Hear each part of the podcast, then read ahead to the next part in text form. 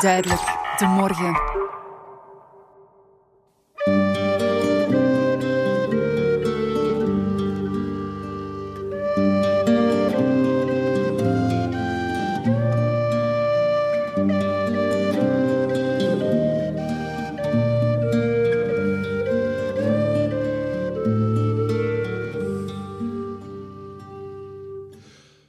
Betrap me er vaak op dat ik in gedachten veel met mezelf bezig ben. Alsof ik, ja, naar mezelf aan het kijken ben. En dat klinkt misschien egoïstisch, maar zo bedoel ik het helemaal niet. Het is dus niet zo dat ik mezelf voortdurend ophemel of uit alles het beste wil halen voor mezelf. Nee, het is net omgekeerd. Ik ben vooral negatief met mezelf bezig en dat kan heel hardnekkig zijn. Er zit dan een soort stemmetje in mijn hoofd, zeg maar een criticus, die me constant afbreekt. Dat het niet goed genoeg is, dat ik het niet goed doe, dat ik niet goed genoeg ben, dat ik het niet kan en ga zo maar door. En natuurlijk is er ook de gedachte dat er iets mis is met mij, want doen anderen dat ook? Misschien ben ik wel anders en misschien ben ik de enige die zo negatief met zichzelf bezig is, maar die ook zo hard voor zichzelf is. Ik legde de vraag voor aan Wilfried van Kraan, cognitief gedragstherapeut en mindfulness trainer. Ik denk dat iedereen zo een manneke of een madammeke heeft dat op het balkon staat en dan naar beneden kijkt naar u en die voortdurend commentaar geeft.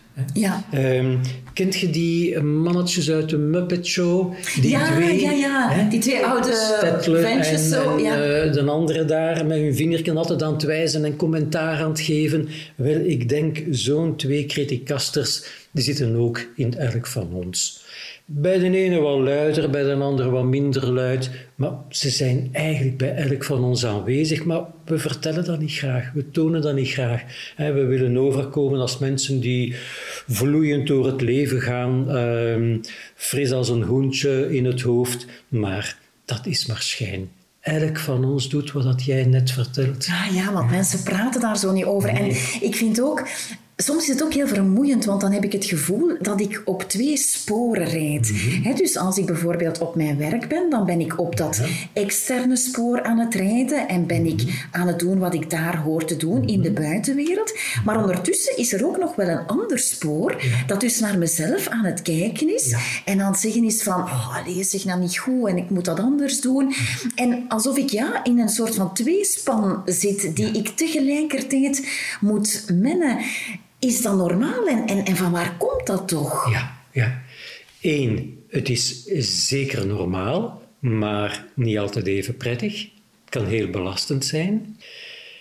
En ja, hoe dat, dat komt, dikwijls is zo'n innerlijke criticus, want zo noemen we die dan, ontstaan in een fragiele periode. Een periode waarin dat je ontvankelijk was voor dingen die mensen zeggen over jou of over hoe dat je het moet doen in het leven, in een periode waarin dat je wat zoekend bent en onzeker bent. Dat kunnen imprintingen zijn van ouders, hè, van je moet presteren. Of dat kunnen imprintingen zijn vanuit het onderwijs, eh, kennis is alles. En je moet zorgen dat je carrière maakt. Of eh, op relationeel vlak. Hè. Je, je moet zorgen dat je huisje, tuintje, keukentje hebt. En dat je een gezinnetje hebt. En dat je het plaatje realiseert van wat geluk zou moeten zijn. En dat je zeker niet alleen valt. En scheiden, dat is falen. Dat soort van opvattingen worden dikwijls ingeprent in gevoelige periodes en die blijven. Zeker als ze ingeprent zijn door mensen die voor jou belangrijk zijn, zoals ouderfiguren of leerkrachten. Waar je een beetje naar opkijkt. Ja, Ja. waar je wel naar opkijkt. Maar het kan ook door de algemene cultuur, bijvoorbeeld in een neoliberale cultuur waarin dat wij leven, een economische cultuur, ja, is het belangrijk van alsmaar productief te zijn. Alsmaar meer te doen, uh, alsmaar nuttiger bezig te zijn in plaats van te genieten. Hè. Ehm, en dat werd ik dus ook ondersteund vroeger door de religie. Genieten is des duivels oorkussen, werd dan gezegd. Hè? Ehm, je moet alsmaar nuttig bezig zijn, alsmaar productief zijn. En als je dan iets te veel aan het lanterfanten gaat, wat dat zeer prettig is, dan komt meteen dat stemmetje van de innerlijke criticus naar boven met zijn vingertje van oh la, zit jij wel nuttig bezig, manneke? En dat vingertje zie ik meermaals per dag, of het nu tijdens mijn werk is of tijdens mijn vrije tijd.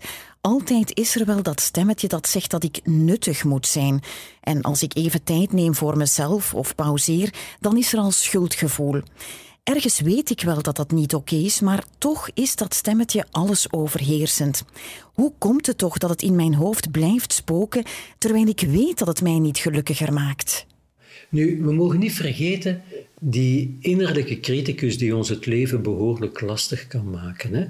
Ehm, want ja, die zegt niet de aangenaamste dingen. Hè? Die is nogal verwijtend en die ehm, is eh, zeer negatief vaak. Altijd opnieuw hetzelfde van je kunt het niet en uh, zie je wel, je hebt weer gefaald en uh, je stelt niks voor en dat soort van dingen die heeft ooit wel een nuttige functie gehad. Hè? Dus positief? Ja, ja, ja. Die heeft vaak, toen dat hem ontstaan is, een functie gehad van jou te beschermen. Bijvoorbeeld, ik weet dat eh, ik als jonge man, als puber en als adolescent behoorlijk lui was, zoals adolescenten en pubers horen te zijn. Ja, ja, ja. En dat ik niet veel zin had om mij in te spannen. Ja, Heel snel werd mij ingevreven dat ik dan iemand zou zijn die faalt in het leven, die het niet zal maken, enzovoort, ja. enzovoort.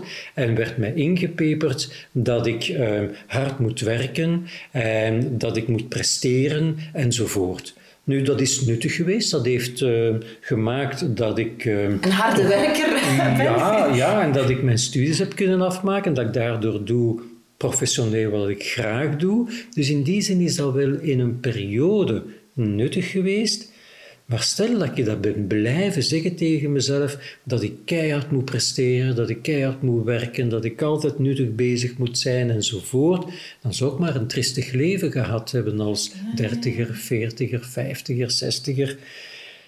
Dus de balans mag niet doorslaan. De balans mag niet doorslaan in die zin, de innerlijke criticus heeft een functie voor een bepaalde periode, maar is vaak in ons, in ons hoofd, over zijn vervaldatum heen. Hè?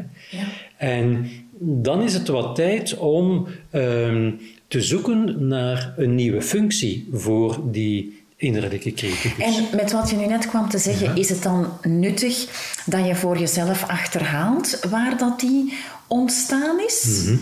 Ik denk het wel, omdat Net door te weten te komen wat zijn functie is, kan jij hem ook een andere taak geven. Want anders zit je alleen maar te vechten. Te vechten tegen die innerlijke criticus. En die steekt als een duivel in een doosje altijd opnieuw weer zijn kop op. Hè. Die laat zich niet doen. Want die denkt nog altijd dat hem u aan het redden is. Hè. Die denkt nog altijd dat hem jou moet beschermen, bij wijze van spreken. Hij doet altijd hetzelfde. Het is een, een grammofoonplaat die blijft hangen. Hè. En dus als je altijd maar in het gevecht ertegen blijft, dan wordt hij ook altijd maar sterker om terug te slaan. Dus zinvoller kan het zijn van eens na te gaan, hoe is die eigenlijk ontstaan bij mij? Um, we weten dat dikwijls niet. Um, rationeel kunnen we dat vaak niet aan. Hè? Uh, het is niet door analytisch te denken dat we dat dat we dat kunnen vinden wat het ontstaan is, maar dikwijls meer door associatief te denken, door zo te vertrekken van een situatie waarin je dat recent nog eens gehad hebt en door dat te herbeleven, u te laten meegrijden in een eerdere situatie en van die situatie naar nog een eerdere en zo uitkomen bij de primaire ontstaansgeschiedenis daarvan.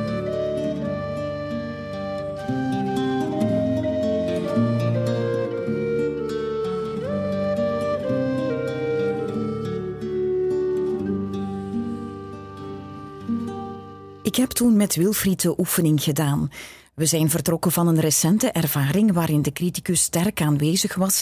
En door dat gevoel opnieuw op te roepen, kwamen er inderdaad ook oudere ervaringen terug naar boven, waarin ik me niet capabel of niet goed genoeg voelde. Het viel ons op dat de criticus zich bij mij vooral laat horen in situaties waarin ik beoordeeld word. Dan komt er een stem die zegt dat ik door de mand ga vallen en dat ik zal falen. De associatieoefening hielp me om naar de waarschijnlijk eerste ervaring terug te gaan. En dat was tijdens mijn puberteit. Ik heb toen vijf jaar lang pianolessen gevolgd bij een leerkracht die erg streng was. En ook al bedoelde ze het waarschijnlijk goed, ze gaf me toch vaak het gevoel dat ik het niet kon en dat het niet goed genoeg was. Wilfried vroeg me dan om een beeld te kleven op dat gevoel, op die criticus, en ik zag meteen een zware ketting voor mij, die als een soort halsband, zoals vroeger bij de slaven, rond mijn nek hing en me naar beneden trok. Die innerlijke criticus, hè, die je zo beschrijft, heeft ooit een goede bedoeling gehad. Hè? Heeft jou die akelige ervaringen die je toen meegemaakt hebt als puber en als adolescent proberen doen te vermijden. Maar dat is misschien wel nuttig geweest in die periode. Ondertussen ben jij een volwassen vrouw geworden. En de manier waarop hij jou nu probeert te beschermen, is een hele oude manier die al lang niet meer efficiënt is, die al lang niet meer adequaat is. Dus in plaats van ons te verzetten tegen die innerlijke criticus, een gevecht dat we zelden winnen, zouden we ook in gesprek kunnen gaan ermee en zeggen van, kijk, ehm, innerlijke criticus, ik ervaar jou als zo'n zware ketting rond mijn nek en dat is zeker niet jouw bedoeling. Zouden we voor jou een andere functie kunnen vinden, een andere taak kunnen vinden die meer aangepast is aan de Maite van nu? Mhm. En ik vind het fijn dat jij mij wil beschermen, maar alsjeblieft laat het de manier zijn die mij nu deugd zou doen uh, en die voor mij goed is op mijn leeftijd, in deze levensfase. De innerlijke criticus mag dus blijven, maar hij moet een functie krijgen die je helpt en niet tegenwerkt. Ik kwam zo tot de ontdekking dat ik mijn criticus kan inzetten om meer te leren genieten, want ook op dat vlak kan hij heel streng zijn. Ik hoor niet alleen de stem van je kunt het niet, hij zegt ook vaak je moet meer presteren en nuttig bezig zijn. Maar ik zou dat kunnen omdraaien en de criticus kunnen laten zeggen: Je bent toe aan ontspanning, het is tijd om iets leuks te doen voor jezelf. Zo legt hij me het genieten op in plaats van het werken. Op die manier is mijn criticus geen zware ketting meer, maar eerder ja, een warme sjaal die mijn hals in alle zachtheid verwarmt en beschermt. Als ik dat beeld oproep, dan wordt de rol van mijn criticus plots heel anders. Dan gunt hij me iets en voel ik me meteen beter en zelfs gelukkiger. Soms vraag ik me ook af wie die criticus in mij precies is. Ik krijg bijvoorbeeld vaak het compliment dat ik zo mild en zachtaardig en lief ben. En ik ben dat ook. Ik, ik ben heel tolerant naar anderen toe en ik hoef daar totaal geen moeite voor te doen. Maar hoe kan het dan dat ik innerlijk voor mezelf zo streng en hard ben? Ik lijk dan wel een andere persoon te zijn. Ben ik dat ook, want het contrast kan niet groter zijn? We zijn met veel, Maite. We zijn met veel in dat arme hoofd. Je kunt je dat best voorstellen als een orkest in jouw hoofd. En we hebben allemaal zo'n orkest in ons hoofd. We hebben allemaal verschillende stemmen. En dat zijn de muzikanten van ons orkest. En jij, jij bent de dirigent. Dat is ik, die dirigeert. En soms speelt uh, de paukenspeler zijn drukke melodie, en dat kan dan de innerlijke criticus zijn. Die dan pauk Die dan speelt. Pauk speelt. Hè, van, ja. het is weer van hetzelfde, en je gaat weer falen, en je gaat dit, en je gaat dat, en het zal niet lukken, je gaat dat zien, en dat, soort, dat soort van dingen. En die denkt dat hij ik is. Ja? Ja. En tegen die zou je kunnen zeggen, als hem zijn serenade begint te doen, zijn paukerspel, dan zou je kunnen als dirigent zeggen van, oh dat manneke, het was nog niet aan u, hè. Of ah, je mocht jij een half minuutje spelen, maar niet meer, hè. Ja. En je zou ook kunnen zeggen van, wie zegt dat daar? En dan staat hij met zijn mond vol tanden, want degene die die vraag stelt, dat is ik. Ah, ja, ja. En, ik en ben hij denkt dat hij ik is, maar het is de dirigent die die vraag stelt van wie zegt dat daar? En dan moeten ze zeggen, uh, uh, ja, de paukenspeler. Hè. Ja, dat is maar een heel klein deeltje van het orkest. En wie zit er dan nog allemaal in dat orkest? Oh, daar kan ook uh, de moedige in zitten, de vrolijke in zitten, de optimist in zitten, de speelse in zitten, de humorist in zitten. Daar kan ook uh, de angstige in zitten, daar kan ook uh, de melancholische in zitten, daar kan ook de controlefreak in zitten. We zijn met veel. Ah ja, dus ja.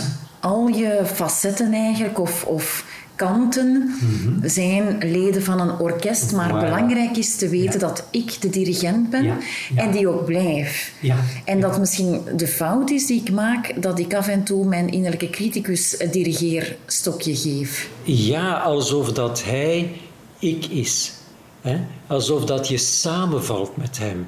Maar in de toekomst is het goed van als hij opduikt een beetje afstand te nemen, alsof je naar achter zweeft in een orkestbak en dat je het stokje neemt en dat je ziet dat die innerlijke criticus maar één stemmetje is, één muzikantje van het ganse orkest. En dat je met velen bent en dat jij beslist wie dat wat op een bepaald moment doet. Ja. Dus bedenk altijd van, jij bent niet de innerlijke criticus, dat is maar één stemmetje. Ja. En jij bent de baas van het orkest. Zoals ik nu de perfectionist of het zaagstemmetje hoor, want het is hier heel erg aan het regenen. En dan denk ik, oh nee, dat horen we nu op de achtergrond in deze opname. Kan dat nu niet stoppen? Maar ik ga die gewoon op zijn plaats zetten. Hè. Zeggen van, uh, terug in uw orkestbak. En we gaan door met de opname. En een optimist komt ertussen en die zegt, man, goh, de luisteraars die gaan dat gezellig vinden, zo'n beetje regendruppels op de achtergrond. Ah, ja. En dan is er misschien nog uh, ene die dan zegt van, uh, dat is dan misschien de technische in jou, van we kunnen dat daar een beetje uit, uh, uitveden. Hè, zo. En dan is er nog een ander die het zegt en zo is het gezellig. Hè?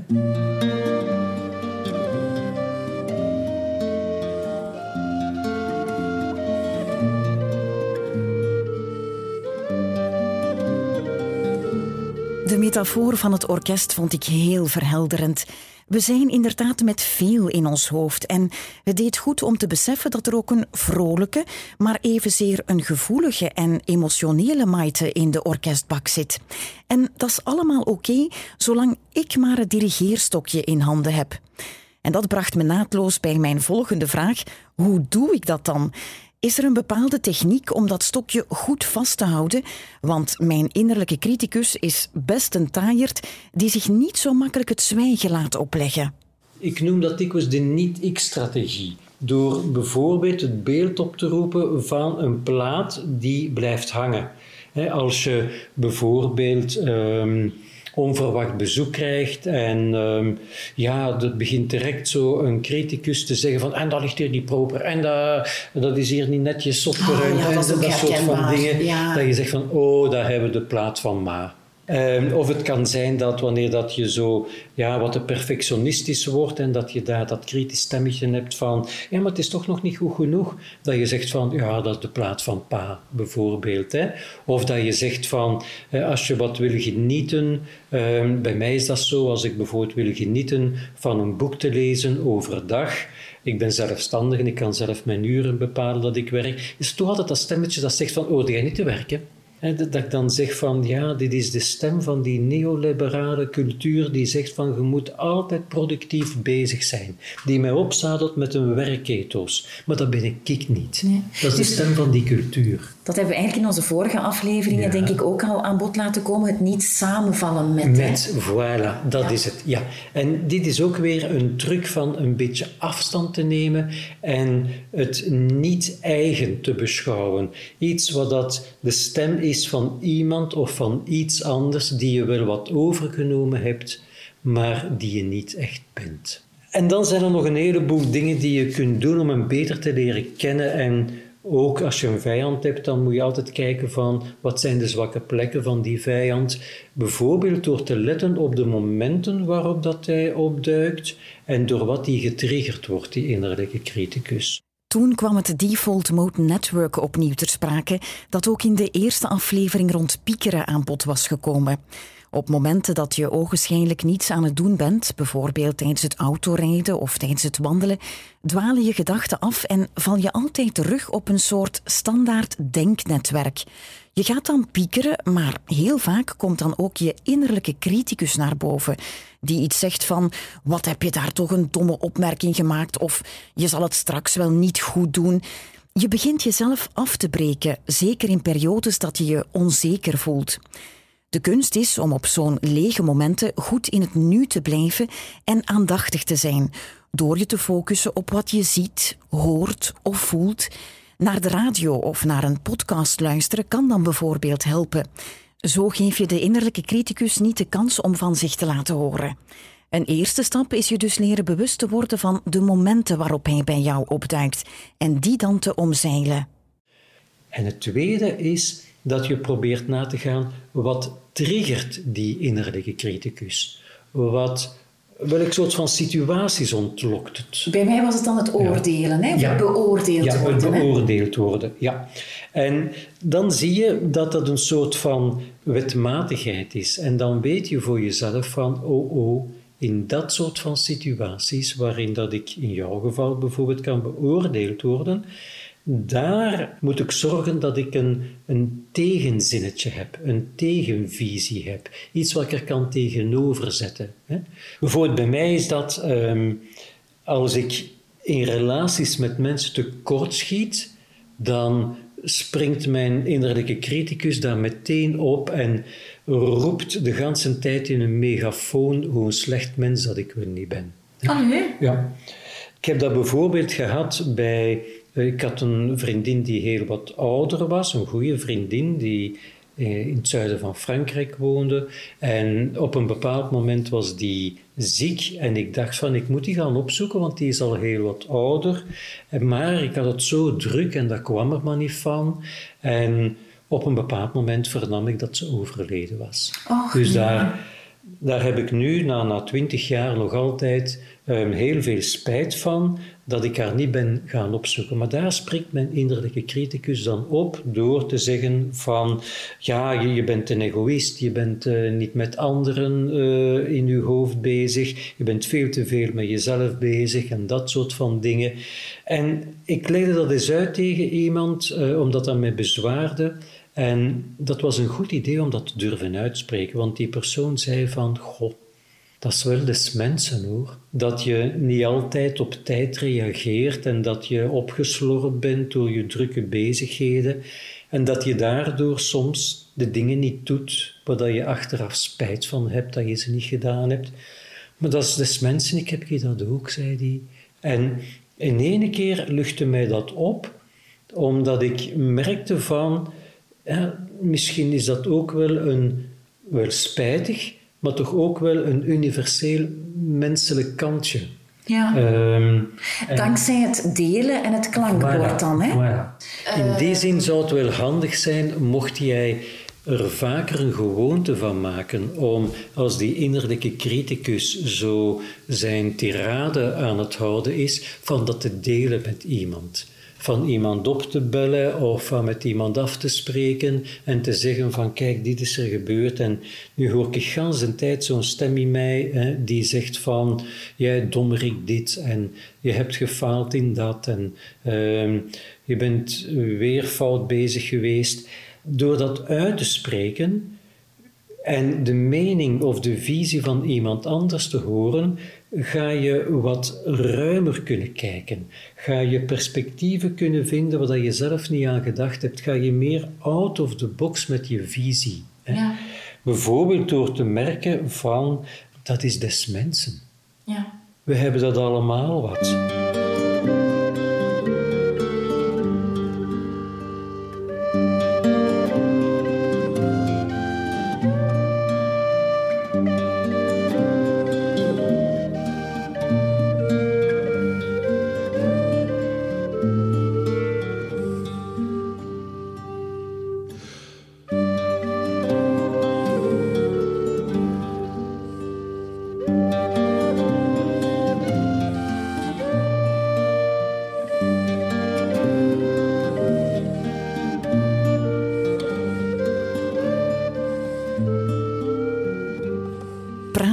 Dus, zoals zo vaak, ook voor je innerlijke criticus.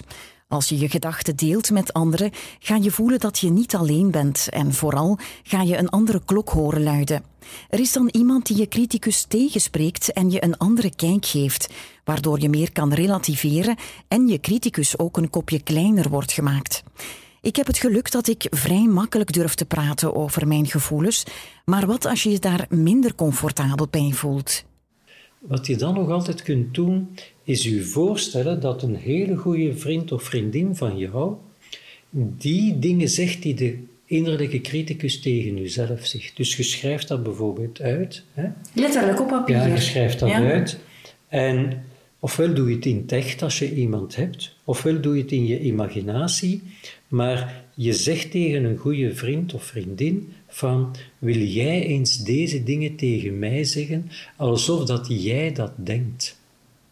Dus heel concreet, ik denk van ik ga het niet kunnen, ik ga daar afgaan, uh, dat gaat daar zo verschrikkelijk aflopen. Dat gaat jij dan nu zeggen tegen mij. En jij geeft me jouw briefje met die zinnetjes die je net komt te zeggen.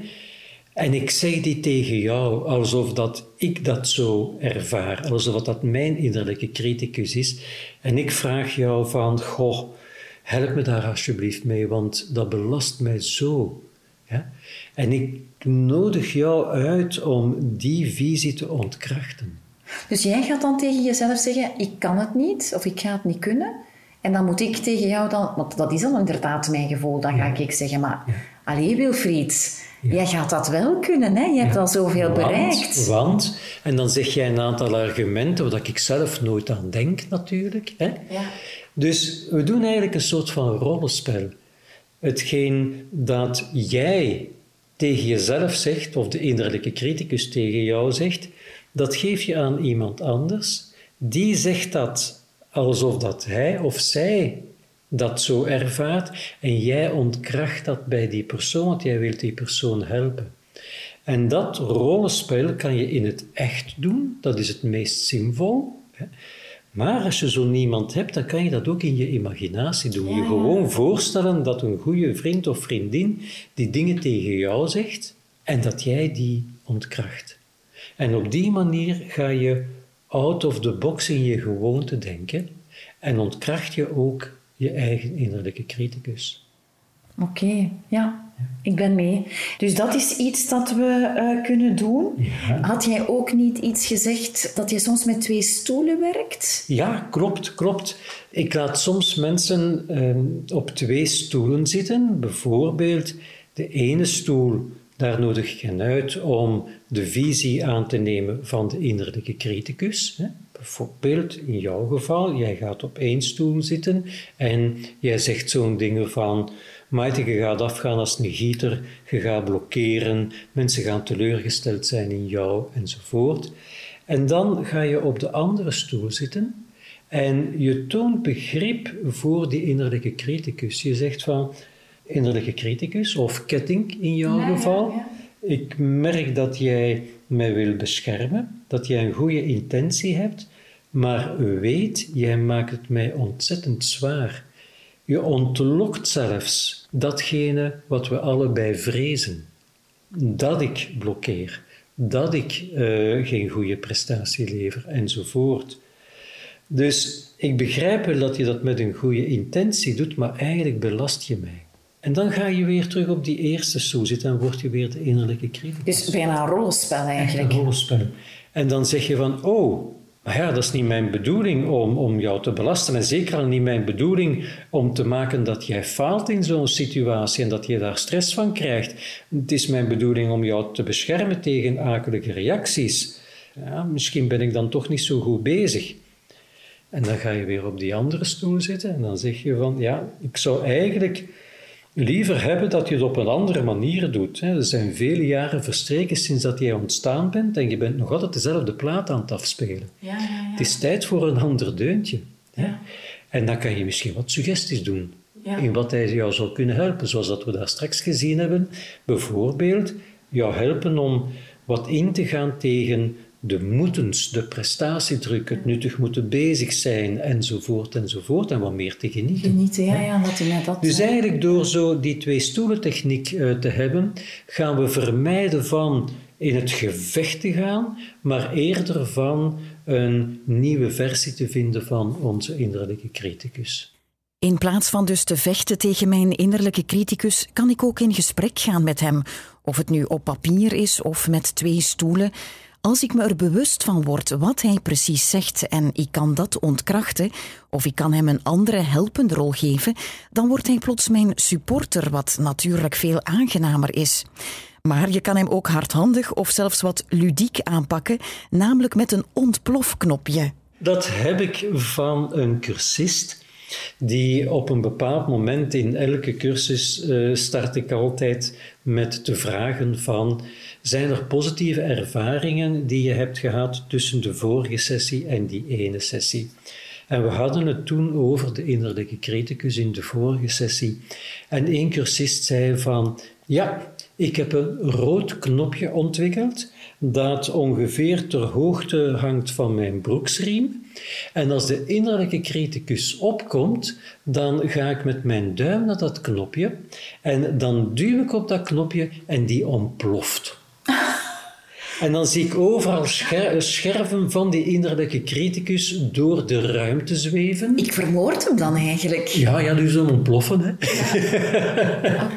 En die, die man die had daar zo'n plezier mee. Van, hij kwam wel steeds vaker terug, de innerlijke criticus, maar hij vond het zo plezant van hem keer op keer te doen ontploffen, dat hij die innerlijke criticus ook veel minder serieus nam. Ja, ja, ja, een beetje een karikatuur wordt voilà, het. Voilà, ja. gelijk als in een tekenfilmpje, zei hij.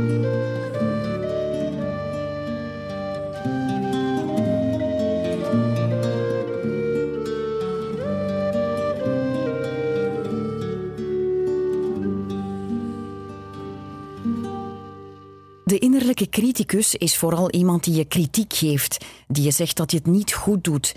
Maar ik heb ook een stemmetje in mijn hoofd dat naar mezelf kijkt en mezelf dan in vraag stelt. Het gaat dan niet zozeer om bekritiseren, maar ik plaats mezelf wel in een negatief daglicht. Het is alsof ik een soort zelfscan doe en denk van waarom pieker ik nu zoveel, waarom ben ik nu neerslachtig of waarom twijfel ik nu weer. En de verdere stap is dat ik dan denk, wat is er toch mis met mij? Die gedachten helpen me ook niet vooruit, maar wat kan je daaraan doen? Ik heb in jouw vraagstelling heel vaak het woordje waarom horen terugkomen. Hè? Ah ja, ja dat klopt, ja. Want je vindt dat ik mij die vragen gewoon niet mag stellen. Je mag ze geruststellen. Vragen stellen is, in tegendeel tot wat je misschien denkt, heel positief. Omdat vragen maken dat je een aanzet krijgt dat je uh, een, een zetje krijgt. In wille van wat dat gangbaar is, denk ik dat we moeten ophouden met altijd naar antwoorden te zoeken. En het zijn de antwoorden die ons belasten, of beter gezegd, het feit dat we nooit echt een voldoening antwoord vinden. Ah, maar dat is inderdaad zo, hè? Dus die vragen, die zijn op zich niet slecht, maar het probleem zit hem in het feit dat we geen antwoord vinden dat ons geruststelt. Het perfecte, juiste antwoord. Bestaat niet. En dat bestaat natuurlijk niet, maar we blijven er eeuwig naar op zoek. En daardoor blijven we eeuwig die vragen stellen, omdat we altijd denken dat we nog dat juiste antwoord moeten vinden. Maar dat juiste antwoord is er niet op heel veel levensvragen.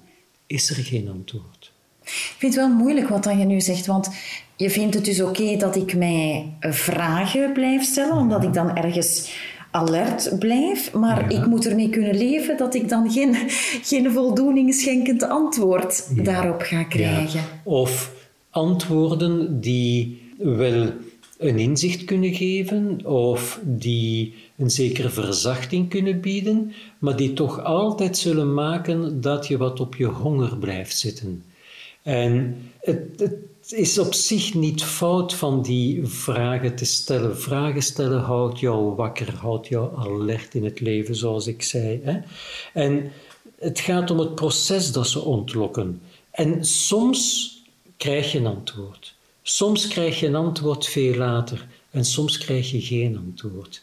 En ik denk dat het belangrijk is om te kunnen aanvaarden dat er op veel geen allesomvattend antwoord is. Want als je dat blijft zoeken, dat allesomvattend antwoord, dan blijf je onrustig, dan blijf je zoekend, dan blijf je de ganse tijd onverzadigd en gaat leven aan jou voorbij ondertussen. Ja, ja. En dat is zo jammer. Dat is ook herkenbaar. Hè? Je zoekt ergens die rust op die manier, maar dat is waarschijnlijk niet de juiste manier om, om de rust te vinden. Hè? Nee, mensen denken vaak dat ze maar rust kunnen vinden door het antwoord te vinden. Ja. Maar dan blijf je onrustig, want het antwoord is er niet. Maar er is dus ook niks mis met mij dan, Wilfried, want iedereen zit dan met die onbeantwoorde vragen. Absoluut. En ik zou zeggen, blijf alsjeblieft vragen stellen, maar verwacht niet dat er een allesomvattend, sluitend antwoord kan opgegeven worden. Want ik krijg wel eens de opmerking uit mijn omgeving dat ik te veel wil analyseren en dat ik dan soms dingen kapot analyseer eigenlijk. En ja, dat ik niet meer leef hè, op dat moment. Ik begrijp het. We gaan vaak analyseren en verklaren en blijven analyseren en verklaren om gemoedsrust te vinden, maar net door dat te blijven vragen en proberen antwoorden te vinden op alles, hebben we niet die gemoedsrust. Dus het is eigenlijk een paradoxaal iets. We doen het om gemoedsrust te vinden en daardoor vinden we geen gemoedsrust.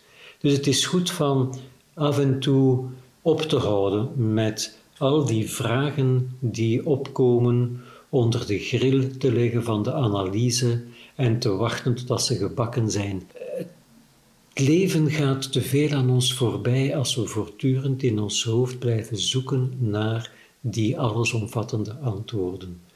Ze kunnen ook gewoon de dingen soms met rust laten. Vragen vragen laten zijn. Eigenlijk ging het hier weer over aanvaarding, wat we ook bij mindfulness hadden besproken, maar ik blijf dat heel moeilijk vinden. Ik mag dus vragen laten opborrelen als positieve prikkels om me alert te houden, maar ik moet ook kunnen accepteren dat er geen sluitend antwoord op komt. De perfectionist in mij kan daar heel moeilijk mee omgaan. Langs de andere kant is het ook zo dat het alsmaar zoeken naar antwoorden me heel onrustig maakt en dat ondertussen het leven aan mij voorbij gaat. En ook al is het een uitdaging, ik ga toch proberen om meer rust in mijn hoofd te vinden door die vragen gewoon te laten zijn. Een mooie metafoor die ik ooit gehoord heb is om jezelf voor te stellen als een auto met koplampen. En als je te veel met jezelf of met je innerlijke criticus bezig bent, dan staan die koplampen naar binnen gericht, terwijl ze eigenlijk, om voluit te leven, naar buiten moeten gericht zijn, want daar speelt het leven zich af. Wat zou ik kunnen doen om mijn koplampen wat meer naar buiten te laten schijnen? Een van de dingen die je zou kunnen doen is flow-ervaringen opzoeken. Flow-ervaringen zijn ervaringen waarbij dat je opgaat in de beleving. En als je opgaat in de beleving, dan stop je ook met al die vragen en die analyses en die verklaringen zoeken dan valt dat hoofd eigenlijk een beetje stil en komt tot rust. Dus ik weet niet wat jij nog meer zou kunnen doen dan dat je al doet, van ervaringen in je leven meer op de voorgrond te zetten die jou opslorpen. Ja. Zijn er zo dingen waarvan dat je denkt van, tja, misschien zou ik dat toch iets meer kunnen gaan doen, in plaats van zoveel die koplampen naar binnen te laten gaan. Laat ze eens naar buiten gaan door bijvoorbeeld gericht te zijn op een of andere, ik denk maar wat, hè, kunstbeleving, sportbeleving, uh, natuurbeleving. Belevingen die zich afspelen rondom jou en waar dat je in Ja, ja, opgaat. ja. Hè? Wel, ik, ik, eh, ik tuinier wel graag. Dus als ik zo planten moet verpotten of zo, dan, dan eh, kan dat wel wat aandacht vragen. Of ehm, ik ben onlangs voor het eerst met een vriend gaan squashen. Ik kan dat totaal niet. Ja. En ik heb eh, ook geen Ja. balgevoel, hè, zoals Ja. dat zeggen. Dus ik heb mij daar heel hard moeten op focussen, dat hele uur. En toen was ik wel niet met mijn gedachten bezig. Toen was ik bezig met, ga ik de bal raken of Ja, ja, ja, Ja. absoluut, absoluut. En dat heb je met meerdere dingen in het leven. Ehm, je kan dat hebben door boeiende gesprekken met mensen te hebben. Je kan dat hebben, ik heb dat eh, door naar goede films te kijken, goede boeken te lezen, Podcasts beluisteren. podcast beluisteren. Doe ik wel. Goede podcast. En goede, daarmee bedoel ik dan goede films, goede boeken, goede podcast, zijn degenen die maken dat je in die flow-ervaring komt, dat je erin opgaat. Ja. Dat je de tijd uit het oog verliest en dat je helemaal erin opgaat. Dat is al een hele belangrijke. En sommige mensen hebben dat met sport, andere mensen hebben dat met ehm, eh, zelf iets te doen, zoals muziek spelen, schilderen, tekenen, zaken waar dat je in opgaat.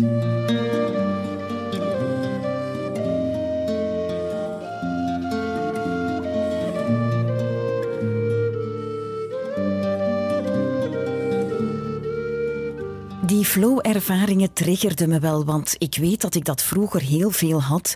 Ik kon bijvoorbeeld boeken lezen en de wereld compleet vergeten. Ik kon bezig zijn met het uitzoeken van planten voor de tuin en daar helemaal in opgaan. En toen Wilfried het daarover had, betrapte ik me erop dat ik zo'n flow-ervaringen nog maar heel weinig heb. Ik weet niet hoe dat komt. Door de jaren heen ben ik meer en meer in mijn hoofd gaan wonen en heb ik minder tijd en ruimte gemaakt voor wat me boeit in de buitenwereld. Daar zou ik me opnieuw meer kunnen op gaan toeleggen, maar Wilfried had nog een tip. En dan een andere, vind ik, ehm, is ook je zintuigen meer actief te gaan gebruiken. In plaats van de koplampen naar binnen te richten, zou je ze ook naar buiten kunnen richten, zodat jouw ogen camera's zijn. Hè? En dat je goed registreert wat er gebeurt. Dat als je een wandeling maakt, dat je heel goed kijkt. Als je in een park zit, dat je goed kijkt. Als je op een vergadering bent, dat je naar de mensen kijkt. En de bedoeling is eigenlijk van gewoon goed te kijken, goed te luisteren, goed te voelen. Hè? Temperatuur, ehm, uw houding op een stoel. Met andere woorden, van actieve zintuigen te hebben. Dan ben je eigenlijk betrokken op de buitenwereld. Ik heb net eh, op mijn site een nieuw iets, een nieuw projectje gelanceerd en dat noemt Kijkrust. En dat zijn hele banale dingen die ik opneem, koeien in een weide, of een spinnetje dat op eh, het scherm van mijn laptop loopt, of eh, een beekje dat kabbelt. Hele gewone dingen en ik neem die één minuut lang op.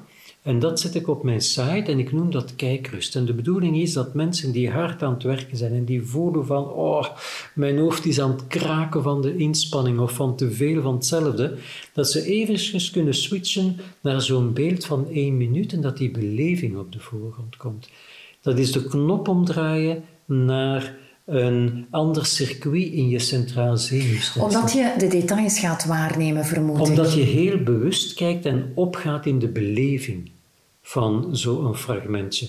En de bedoeling is niet dat mensen blijven kijken naar die fragmentjes op hun, video, op hun eh, laptop bijvoorbeeld, maar dat ze dat gewoon in het dagelijkse leven vaker gaan doen. Ah, ja. Gewoon aandachtig zijn voor de dingen. Aandachtig voor een vogeltje dat die van tak tot tak springt. Aandachtig in een gesprek, bijvoorbeeld dit gesprek. Dat is een deel van hetgeen dat wij hier nu doen. Dat is iets met aandacht doen. En mensen kunnen dat ook in hun werk. In plaats van op automatische piloot te functioneren, toch de dingen met veel aandacht gaan doen. De tijd gaat veel sneller en je hebt veel meer voldoening. Ja. Dus dat is ook weer iets wat je kan doen om de koplampen meer naar buiten te richten. En een laatste is meer gefocust zijn op de ander. Minder gefocust te zijn op jezelf. Ja, ja. Dus de focus meer naar buiten gericht in de zin van dat je afvraagt, wat kan ik betekenen voor anderen? ja. En dat je van daaruit bijvoorbeeld iets van vrijwilligerswerk aanvat. Of, Of iemand gaat bezoeken of, of zo. iemand gaat bezoeken, of dat je opkomt voor iets wat dat je een, een waardevol iets vindt. Bijvoorbeeld onze aarde en dat je een klimaatactivist wordt. Hè?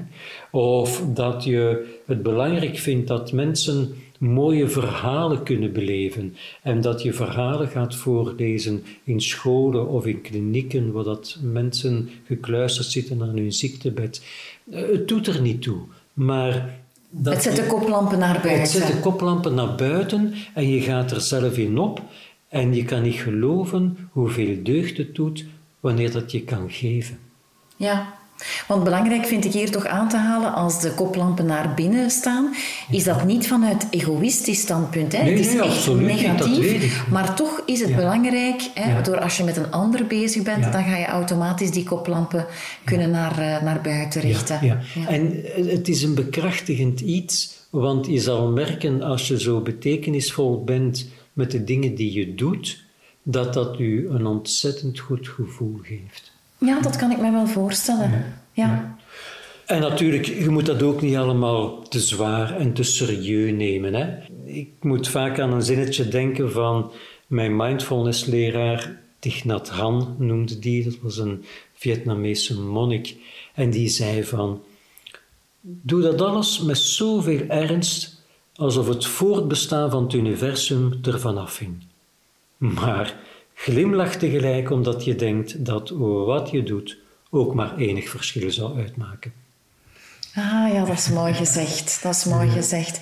Ja, daar zit ook misschien ook wel een, een tip in, want soms denk ik dat dat een stuk van, van mijn probleem is dat ik de dingen te serieus neem en dat ik te serieus ben of te serieus met dingen omga. En ik denk dat ik daar ook wel wat ongelukkig van word.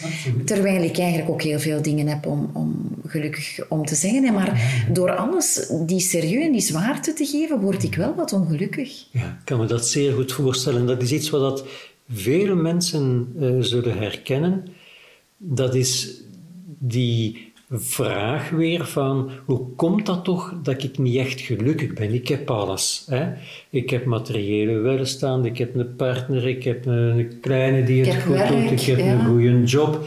En toch heb ik niet echt dat gevoel dat, dat, dat ik gelukkig ben. Ja.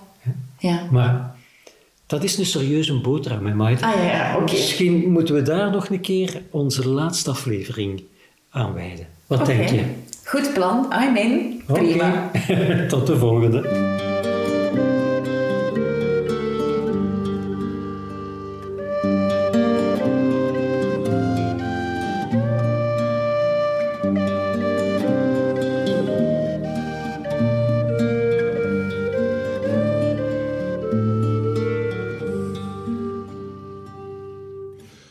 dingen niet te serieus nemen zal me dus niet alleen helpen om minder met mezelf bezig te zijn, maar ook om gelukkiger te worden. Wilfried benoemde dat thema als een hele boterham. Dus over het al dan niet gelukkig zijn heeft hij blijkbaar ook heel wat te vertellen. Om dat te ontdekken neem ik je graag mee naar onze volgende en meteen ook laatste aflevering. Heel graag tot dan.